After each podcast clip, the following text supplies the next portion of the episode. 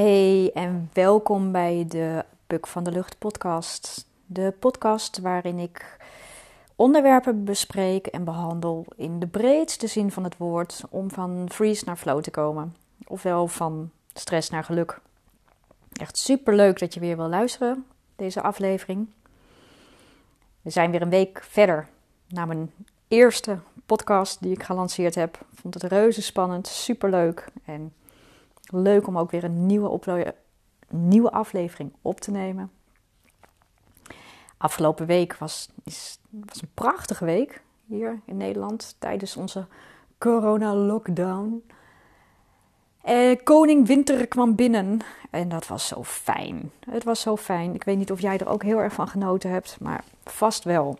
Ik ben echt heerlijk veel buiten geweest, heerlijk gewandeld en in de sneeuw. En ah, zo fijn, zo lekker.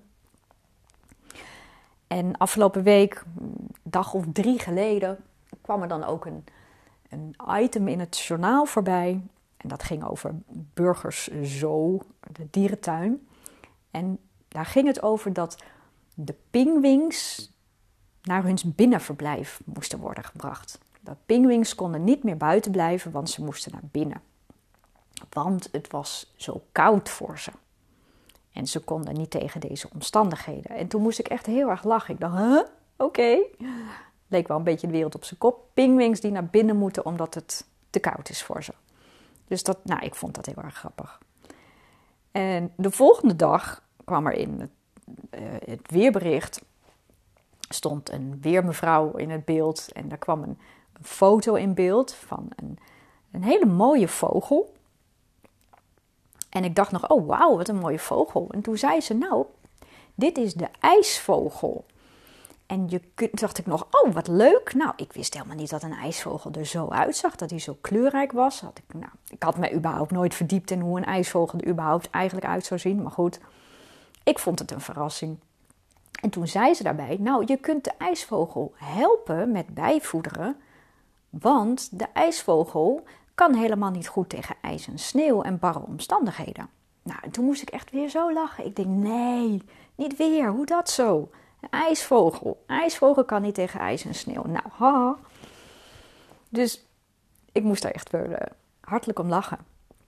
En toen realiseerde ik me dus ook dat bericht van die dag daarvoor, van die pingwing die dan naar binnen ging. En daarbij realiseerde ik me dus ook van, hé, hey, dit is grappig, want dit zijn dus gewoon overtuigingen. Dit zijn overtuigingen. Ik heb een overtuiging over een pingwing. Dat een pingwing leeft op de Noordpool of Zuidpool of allebei of niet allebei. Nou ja, dat weet ik niet helemaal. Volgens mij allebei.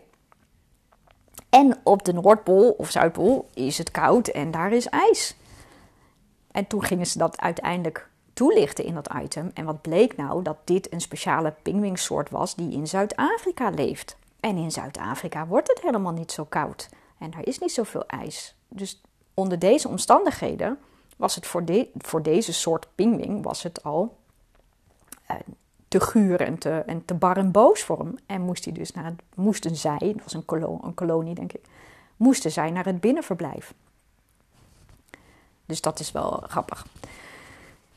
Dus de aanname die ik had over dat het, dat het altijd op de Noordpool en dat het koud moest zijn, nou, bleek dus helemaal niet in alle gevallen altijd te kloppen. En die ijsvogel, dus ja, nou ja, nou had ik me nooit echt verdiept in een ijsvogel. Dus ik weet ook niet precies waar die leeft. Maar ik ging er eigenlijk vanuit dat dat een vogel was die in koude gebieden zou leven. En eigenlijk, heel eerlijk gezegd, stel ik me dan eigenlijk een vogel voor die met zijn snavel door het ijs heen prikt of zo. Of zoals een specht in een boom. Goed, dat zijn mijn associaties dan. En daarom vond ik het dus wel des te grappiger dat hij en zo mooi en kleurrijk was, waardoor het ineens een soort tropische vogel leek. En dus inderdaad blijkbaar helemaal niet tegen kou en ijs kan. En deze barre omstandigheden. Dus, nou, dat, en dus toen dacht ik, ah, dat is wel grappig. Dat, zijn dus gewoon overtuigingen en aannames die je hebt. En op zich is, zijn dit helemaal niet vreselijke overtuiging. Het is geen ramp dat ik deze overtuiging had. Want nou ja, er is verder niet zo heel veel mis mee. Maar op het moment dat je, dat, dat je het dus gaat toetsen, en in dit geval werd het dus eigenlijk uh, uitgelegd dat het dus eigenlijk anders zat. Op het moment dat je dus gaat toetsen van hé, hey, klopt het, is het waar, blijkt dus dat het een, eigenlijk een ander verhaal is. En dat dat dus niet altijd waar hoeft te zijn. Dus dat vond ik wel een leuk onderwerp om een podcast over op te nemen. Want overtuigingen, overtuigingen kun je op twee manieren binnensluipen. Uh, en eh, de eerste manier zou kunnen zijn dat een overtuiging voortkomt uit iets wat je is overkomen. Dus er gebeurt je iets, daar baseer je die, een, op die ervaring uh, krijg je een gedachte en een emotie. En daar ga je dan voor de rest eigenlijk uit handelen. Klinkt misschien een beetje vaag. Ik zal even een voorbeeld geven. Betrekking op mezelf. Toen ik een jaar of 14 was, ik denk 14, 15, ik weet het eigenlijk niet precies. Ik, ik was puber en we gingen op schoolreis. Het was de middelbare school. En we gingen op zeilkamp. Dat was de allereerste keer in mijn leven dat ik ging zeilen. En het was de eerste dag en het was niet zo'n hele mooie dag. Het was best wel slecht weer en een harde wind. En regen. En het was een beetje guur en bar. Het was niet heel fijn. Ik vond het ook een beetje spannend. Dus nou ja, we zaten daar de hele dag op het water in die bootjes. En, nou. en aan het eind van de dag, we waren onderweg naar een eilandje. Want we gingen dan een soort tocht maken een week. En op dat eilandje zouden we dan een tentje neerzetten om daar te gaan overnachten. En op dat moment was er bij mij of bij ons vandaan een boot van vrienden van mij. En die zag ik toen helemaal op een kant gaan en langzaam zinken. En ik vond dat zo erg. Ik vond dat zo eng. En ik vond dat zo angstig. Ik voelde me heel angstig. Ik vond het echt een hele enge situatie. Ik vond het niet fijn. Dus, en gelukkig was er, kwam er uiteindelijk een, een zeiljacht met een ouder echtpaar langs. Die kon niet helemaal in de buurt van de zeilboot komen. Dus ze moesten echt wel door het water met windkracht, weet ik veel wat, doorheen zwemmen om op die zeil, op, bij dat zeiljacht te komen. En toen zijn ze uit het water gevist daar. En s'avonds zaten we dus na te kletsen op dat eilandje bij die tent. En die boot die was ondertussen door een sleepboot eh, uit het water, of door het water gesleept, op kanten of op kop gezet op de kant en leeg laten lopen. Dus die boot was wel gered. Maar toen waren we daar dus over aan het nakletsen. En toen, zei, of toen vertelde hij dus: Ja, het kwam dus, want ik maakte een gijp. En door die gijp gingen we echt heel schuin en maakte ik water. En dat ging zo snel en zo hard dat, dat die boot gewoon meteen eigenlijk zonk. En voordat ik. Dus op dat moment dacht ik echt: hè? Oh jee, een gijp. Een gijp is echt heel gevaarlijk. En daar moet je echt heel bang voor zijn. Althans, ik was daar heel bang voor. Ik vond dat echt. Dus dat, dat, is een, dat was iets. Dat heeft zich in genesteld. En dat is altijd bij me gebleven. Want ik ging die dag s ochtends voor het eerst op een boot. En toen werd me verteld: een boot kan nooit zinken. Of een zeilboot kan nooit omslaan. Zoiets. Ik weet het niet. In ieder geval het voelde als een soort troost van, nou, ga nou, stap nou maar op, er kan echt niks gebeuren, want een zeilboot kan niet omslaan, zoiets. En dus aan het eind van die dag zag ik toch echt dat die boot op zijn kant ging en dat die dus uh, zonk. Dus dat, dat klopte al niet. Dus een gijp was voor mij echt iets van wow, dit, dat is echt heel beangstigend. Dat, dat, daar wil ik heel ver vandaan blijven. En dat heeft mij echt altijd achtervolgd. tot jaren daarna. Dat als ik nog op een zeilboot zat. Oh, gijpen. Nee, niet gijpen. Oh, echt angst, paniek. Nee, geen gijpen. Echt gevaarlijk. Niet doen. Tot echt. Nou, ik denk zo eh, anderhalf jaar geleden of iets. Ik weet het eigenlijk niet hoe lang. Niet zo heel lang geleden. Toen zaten we op onze eigen zeilboot. En daar is manlief. Manlief is meer, was, was meer van het zeilen. Nu ben ik zelf ook wel van het zeilen. Maar hij was tot dan meer van het zeilen. Dus hij deed ook meer op de boot en ik zat er meer bij. En hij zei tegen mij: uh, Goh, wat zullen we doen? Zal ik overstag gaan of zal ik een grijpje maken? Dus meteen weer: Nee, nee, niet grijpen, niet doen. En, en toen keek hij me echt aan: Weet je, wat is dat toch met jou? Waarom heb je zo'n paniek elke keer als, als het woord grijpen voorbij komt? Dus, dus ik Nee, maar dat is echt gevaarlijk en dat moet je niet doen. En er is, uh, grijpen kan alleen als het niet anders kan. Want dat was mij daar toen ook bij verteld, die eerste dag. Grijpen, nooit doen, nooit doen. Alleen als het echt niet anders kan, dan mag je grijpen. Dus dat legde ik uit aan hem. En toen zei hij dus van, ja, maar, maar dat is helemaal niet waar. Dus toen begon hij uit te leggen van wat een grijp dan precies was. En hoe dat dus ook veilig kon. En dat je daar bepaalde stappen voor door moet lopen. En dat je dat ook beheerst kan doen. En nou, dus, dus toen, daar kwam ineens een heel ander verhaal. Dus die overtuiging, die werd op dat moment gewoon ontmanteld. Van hé, hey, grijpen is niet per definitie heel gevaarlijk en heel angstig. Of iets waar je heel bang voor moet zijn. Wat ik tot dan wel altijd had. Dus dat had mij echt wel belemmerd. En ook ontspannen op een boot kunnen zitten. Tot dan. Dus dat kan best wel ingrijpende gevolgen hebben ook. Voor een bepaalde mate van leven. Voor de rest van je leven. Dus ja, dat is wel interessant hoe dat dan dus werkt met zo'n overtuiging. Maar deze overtuiging die was dus uh, bij mij binnengekomen door wat mij dus was overkomen. Dus op die manier kan een overtuiging binnensluipen. Maar overtuiging kan ook binnenkomen op het moment over iets wat je is verteld als kind. Dit, dit gebeurt wel echt altijd op niveau van kind. Normaal gesproken wordt het ook primair op de leeftijd tussen 0 en 7 wordt dat allemaal aangelegd. Uh, dit soort aannames en gedachten, overtuigingen. Dus op het moment dat jou altijd als kind wordt verteld, uh, dat kan jij niet zo goed, of je bent daar niet zo goed in als je broertje, of daar ben je te klein voor, of oh, doe maar niet, dat is gevaarlijk. Op het moment dat jou dat wordt verteld, neem je dat als kind aan en dat wordt een overtuiging. Dus als jou bijvoorbeeld keer op keer wordt verteld, jij bent niet zo handig met technisch Lego, jij bent, jij, daar ben jij niet zo goed in als je broer of als jouw broertje. Jouw broertje is daar veel handiger in. En elke keer als jij technisch Lego pakt, omdat jij één keer bijvoorbeeld iets verkeerd om in elkaar hebt gezet, of dat een schroefje niet goed zat, of dat het model niet mooi klopte, is op, hè, daarop is jou gezegd: Nou, daar ben jij niet zo handig in, of daar is jouw broertje veel handiger in. Dus elke keer als je dat technisch Lego eventueel weer zou willen pakken, kan jou weer verteld worden: Nou, maar daar ben jij helemaal niet zo handig in, joh. Zou je dat wel doen? Zou je dat wel pakken? Kan je niet beter gewoon Lego pakken? Hè? Want die techniek, dat is misschien niets voor jou.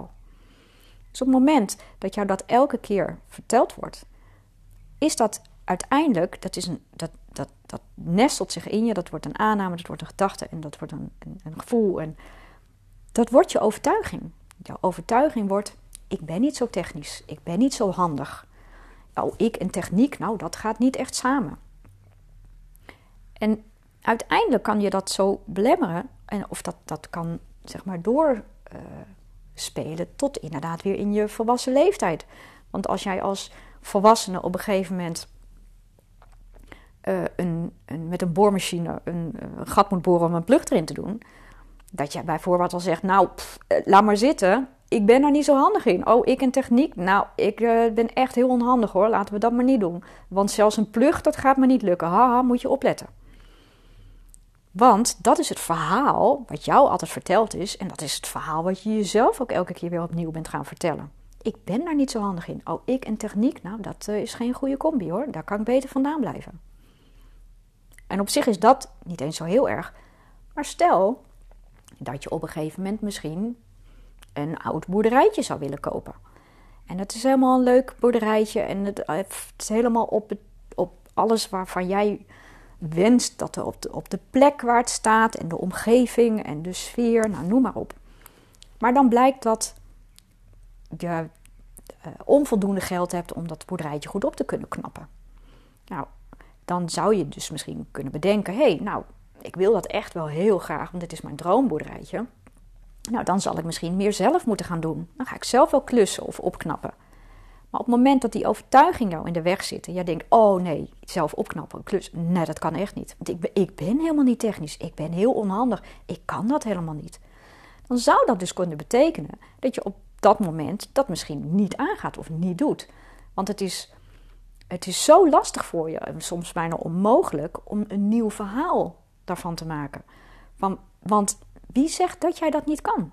Heb je dat getoetst bij jezelf? Wie zegt dat jij slecht bent met techniek of dat je onhandig bent? Want je hebt het niet getoetst en je weet het ook eigenlijk niet. En op het moment dat je dat aan zou gaan, ja, dan, daar, daar, dat kost heel veel inspanning. Daar, daar. Maar je kan het leren. Je kan ook die techniek weer opnieuw leren. Jij kan daar handiger in worden. En wat je dan gauw, gauw uh, wat je dan gauw gaat doen, is dat je er eigenlijk liever vandaan wil blijven. Want het kost je zoveel moeite en inspanning dat je liever blijft op de plek waar je was. Dus het is makkelijker om te blijven zeggen: Nou, nee, ik ben niet zo handig daarin. Ik, uh, ik, wil, ik, ben niet, ik ben niet in voor het klussen, dat ga ik niet doen. Omdat het zo eng is, of nee, omdat het je zoveel inspanning kost om dat verhaal eventueel te gaan veranderen. Dus hetzelfde als dat mij van kinds af aan werd verteld.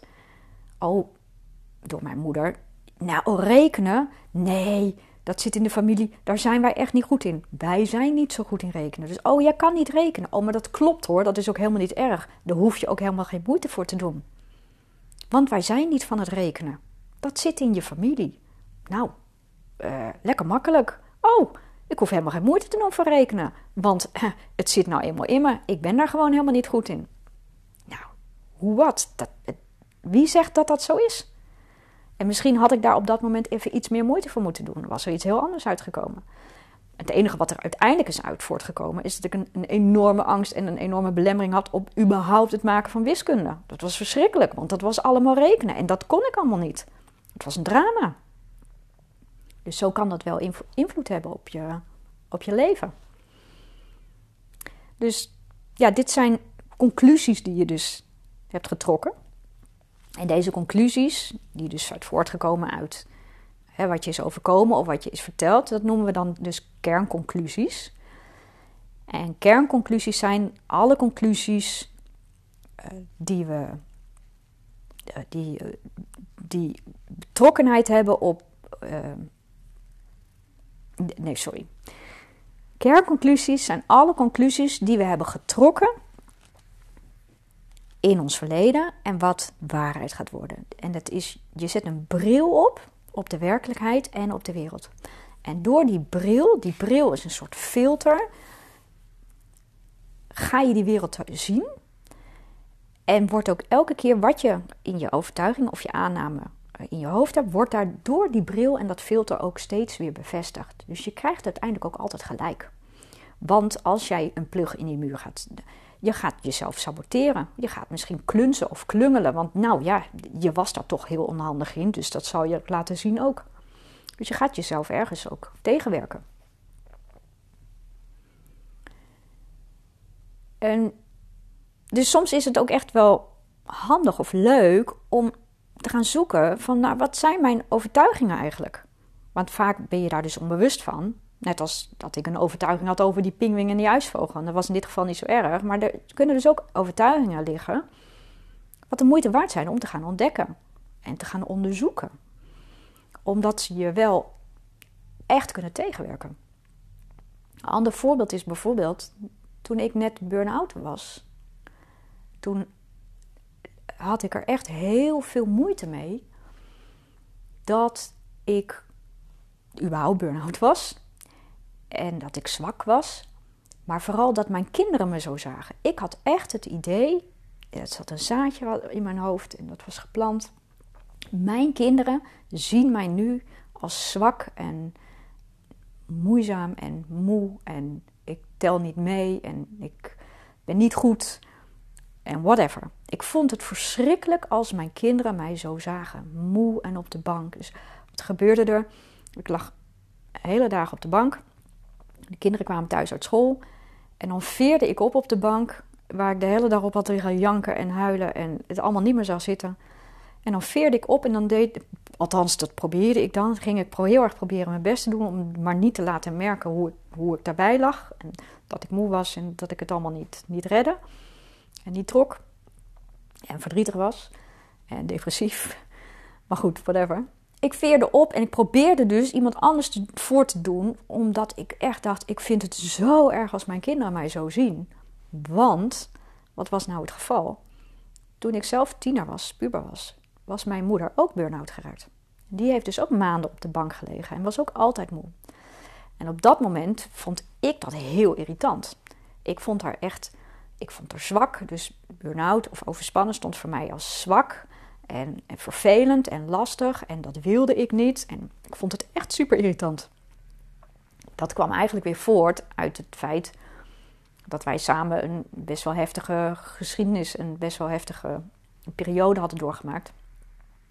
Waarbij, de, waarbij ik een beroep had gedaan op mijn verantwoordelijkheid naar haar toe. Dat ik vond dat ik voor haar moest zorgen en bla bla. Ga ik verder nu, nu niet over uitweiden. Maar op het moment dat zij dus burn-out raakte, werd er opnieuw een appel gedaan op dat verantwoordelijkheidsgevoel van mij. Van, oh, ik moet eigenlijk voor haar zorgen. En dat kon ik gewoon niet meer. Dat wilde ik gewoon niet meer. Dus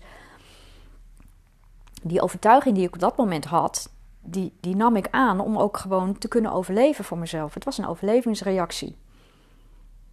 Want ik kon niet meer voor haar zorgen. Ik kon die verantwoordelijkheid niet meer voor haar nemen. Dus vond ik het gewoon rete irritant dat zij zo was. En was ze gewoon zwak. En nou ja, dan, daar nam ik gewoon afstand van. Zoek het lekker uit, man. Dus het allerergste vond ik toen ik dus eenmaal toch zelf burn-out was geraakt. Hoe erg ik dat dan ook al vond. Het feit dat mijn kinderen me zo zagen, dat vond ik, vond ik echt tergend. Vond ik onverdraagzaam. Dus op een gegeven moment deelde ik dat ook met manlief. Mijn man ik vertelde hoe ik me daarbij voelde. En hij zei tegen mij: Goh, maar waarom vraag je het niet aan ze? dacht ik: Vraag het aan ze. Ja, doei.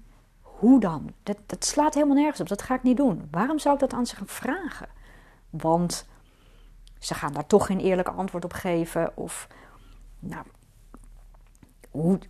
waarom zouden ze. Nou, ik, ik vond dat echt onzinnig. Dus ik probeerde ook uitwegen te zoeken om daar gewoon vandaan te blijven. Om dat überhaupt te kunnen gaan toetsen. En een paar weken later kwam het op een gegeven moment toch weer ter sprake. En nou ja, weet je, oké, laat ik het dan toch proberen. Dus ik ben naar mijn kinderen toegegaan. Of ik heb ze bij me genomen of geroepen in de kamer op het moment dat we daar zaten. Ik weet het niet meer precies. En toen vroeg ik aan ze van, goh, hoe zien jullie mij? Hoe zien jullie mij nu als moeder op de bank? En wat voor gevoel heb je daarbij? Wat voor idee heb je daarbij? Wat, hoe komt dat over? En wat zeiden? Nou, het begon met de eerste dochter. En wat zei ze nou? Ze zei, ah mam, eerst begreep ze niet helemaal van, hoe bedoel je nou, hoe, hoe zien we jou? En toen zei ik, nou, zie vind je mij zwak? Dat, dat was echt het voornaamste. Want ik dacht, oh, ik vond mijn moeder zo zwak toen, als puber. Toen dacht ik, oh, dit vinden zij ook. Dus ik vroeg dat van, maar vind je mij zwak of hoe zie je mij dan? En toen begon ze, en toen zei mijn dochter tegen me van, hé, wat? Nee, mam. En het was echt met, met zoveel liefde en, en oprechtheid en, en nou, bijna blijheid. En ze, sloeg haar armen om mijn nek en ze zei: Nee, mam, hoe kom je daar nou bij? Hoe kan ik jou nou als zwak zien? Echt totaal niet. Je bent juist echt een hele. Ik zie jou als een hele sterke vrouw. En die hele sterke vrouw is even te lang heel sterk geweest. En heeft het daardoor misschien niet gered, omdat ze alsmaar door wou gaan. Dus nee, ik zie jou totaal niet als zwak. Nou, en wat er toen gebeurde, en de volgende dochter en de andere dochter, die bevestigde dat ook op die manier. En ik had echt van, er viel zo'n enorme last van me af. Dus het was echt, ik dacht, jeetje, hoe heb ik hier al die tijd mee kunnen rondlopen? Ik had zo die overtuiging dat mijn kinderen mij op dezelfde wijze zouden zien en ervaren als dat ik dat had bij mijn moeder. En dat was echt, dat, dat, dat zaadje was geplant en was gaan uitgroeien tot iets, iets. Dat had zoveel impact op me. Ik vond het echt verschrikkelijk. Dus op het moment dat ik dat ging toetsen. En dat bleek helemaal niet zo te zijn. Nou, er viel zoveel van me af. Ik, echt, ik voelde me 10 kilo lichter. Echt niet normaal. dus dat is echt heel mooi. Van op het moment dat je dus overtuigingen gaat onderzoeken. Dan klopt het? Klopt het wat ik denk? Ja, wat, wat het je dan dus kan gaan opleveren. Dat is echt heel mooi. Um, en, en, een, bijvoorbeeld een manier om dat te kunnen onderzoeken. Uh, daar heeft een, een uh, ze heet Byron Katie. Ze heeft een boek geschreven, The Work. Het is hartstikke mooi. Dat als je echt geïnteresseerd bent, zou je dat kunnen uh, lezen. En daarin heeft zij vier, stelt zij vier vragen en dat boek heet ook Vier Vragen of The Work. Het is misschien wel handig om even uit toe te lichten. Byron Katie was een vrouw en die was een lange periode echt zo enorm depressief en somber. En nou, wilde ook niet meer leven en zag het allemaal niet meer zitten. En zat er uiteindelijk ook in een inrichting of in een kliniek. En ze had ook kinderen. En dat duurde zo lang. En op een gegeven moment, nou, het was stroperig en, wilde, en dat ze dacht: ik wil dit niet meer, ik wil dit leven niet meer. En toen is ze voor zichzelf gaan bedenken van goh, al die aannames, al die gedachten die ik heb, kloppen die eigenlijk wel? Dus zij is toen gaan onderzoeken uh, of het echt de waarheid was van waar zij allemaal mee, mee rondzulden. En toen heeft ze dus voor ieder, ieder ding wat, hè, wat, wat impact had of waar, waar ze dan tegenaan liep, had ze vier vragen opgesteld. En de eerste vraag dan, is het waar? Nou, dus daar kan je dan zelf een conclusie uit trekken van, is het niet waar of is het wel waar? En nou ja, het is waar. Ja. Nou, en dan, dan is de volgende vraag, kun je absoluut weten dat het waar is? Hoe kun je absoluut zeker weten dat het waar is wat je zegt? Nou, dan ga je die vraag ga je ook weer opnieuw uitsplitsen of uit uh, onderzoeken. En dan is je volgende vraag weer: hoe reageer je op die gedachte?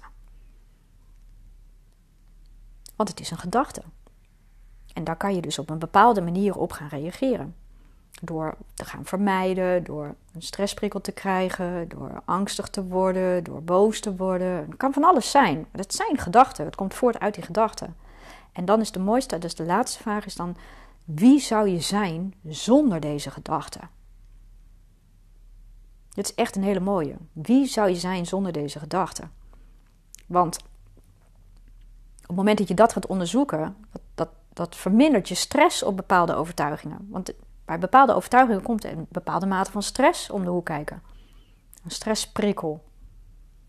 Want als jij zegt, ja, ik ben nou eenmaal een pleaser, dat ben ik nou eenmaal, zo zit ik nou eenmaal in elkaar. Ja, en daarom ben ik, of, eh, ben ik moe en daarom ben ik misschien wel burn-out zelfs, of ben ik overspannen, of wat ook. Ik noem maar even, het gaat even extreem. Maar of dat je het zat bent omdat, ja, maar ik ben nou eenmaal een pleaser. Ik wil nou, ik vind nou altijd dat ik voor anderen moet zorgen. Of dat ik de verantwoordelijkheid ergens voor moet nemen. Of nou ja, whatever. Op het moment dat je je dan afvraagt, wie zou je zijn zonder die gedachte? Dan zou je kunnen antwoorden, misschien dat je dan wel zegt, oh, maar dan ben ik vrij. Dan, dan kan ik nee zeggen. Dan durf ik voor mezelf te staan. Als ik geen pleaser meer ben, dan gaan er deuren open. Want ik durf op ik, ik durf meer voor mezelf te staan. En ik hoef niet altijd de verantwoordelijkheid te nemen, omdat ik dat doe om een ander een goed gevoel te geven. Dus dat levert je dan zoveel op. Wie zou je zijn zonder die gedachte dat je een pleaser bent?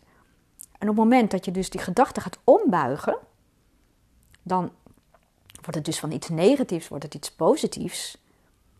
Ja, dat vermindert enorm de, de, de stress op die overtuigingen. Want ja, op het moment dat je die gedachte gaat ombuigen in positieve gedachten, dan is het nog steeds een overtuiging. Alleen kan die overtuiging je verder helpen. Want als jij bij alles zegt: Ik kan het niet, ik wil het niet, dan kan je ook tegen jezelf zeggen: Ik kan het wel. Of ik wil dit, want dat gaat me dat of dat opleveren. Dus het is een hele andere intentie waar je dan iets mee zegt. En zo kan je dus vanuit een negatieve spiraal kan je het ombuigen in een positieve spiraal. Dus dan laat je die overtuigingen nog steeds voor je werken. Want als jij knijterhard elke dag in de spiegel tegen jezelf zegt en op je borst klopt: Ik kan het en ik ga het doen en ik ben geweldig, dan is dat nog steeds een overtuiging. Alleen die overtuiging gaat je op dat moment gewoon veel verder helpen dan dat je zou zeggen: Ik kan het niet en ik ben niks waard. En, want het is een heel andere heel andere stemming. Van waaruit ook geen actie meer uit ontstaat. Maar alleen maar inactiviteit. En op die manier kan je ook geen regie meer nemen. En dan verlies je ook wel het leiderschap over jezelf. Dus dat is echt een mooie om mee aan de gang te gaan. Ga eens na Waar heb ik overtuigingen op? Waar komen ze vandaan? Zitten ze, ze zijn gevormd in je kindertijd. En hoe uh, kan ik toetsen of het waar is? En als het waar is, is het absoluut waar dat het, dat het waar is. En hoe reageer je dan op die gedachten? Dat is echt een mooie. Dus ga ermee aan de gang. Het kan echt heel interessante dingen voor je opleveren. En minder stress. En meer lol en geluk. en dat is waar het allemaal om gaat. Dus bij deze, dankjewel weer voor het luisteren naar deze podcast. En ik hoop dat je volgende keer weer opnieuw gaat luisteren. En ik wens je weer een hele fijne week toe. En geniet nog even van het prachtige mooie winterweer. Zolang het nog even duurt. Dag!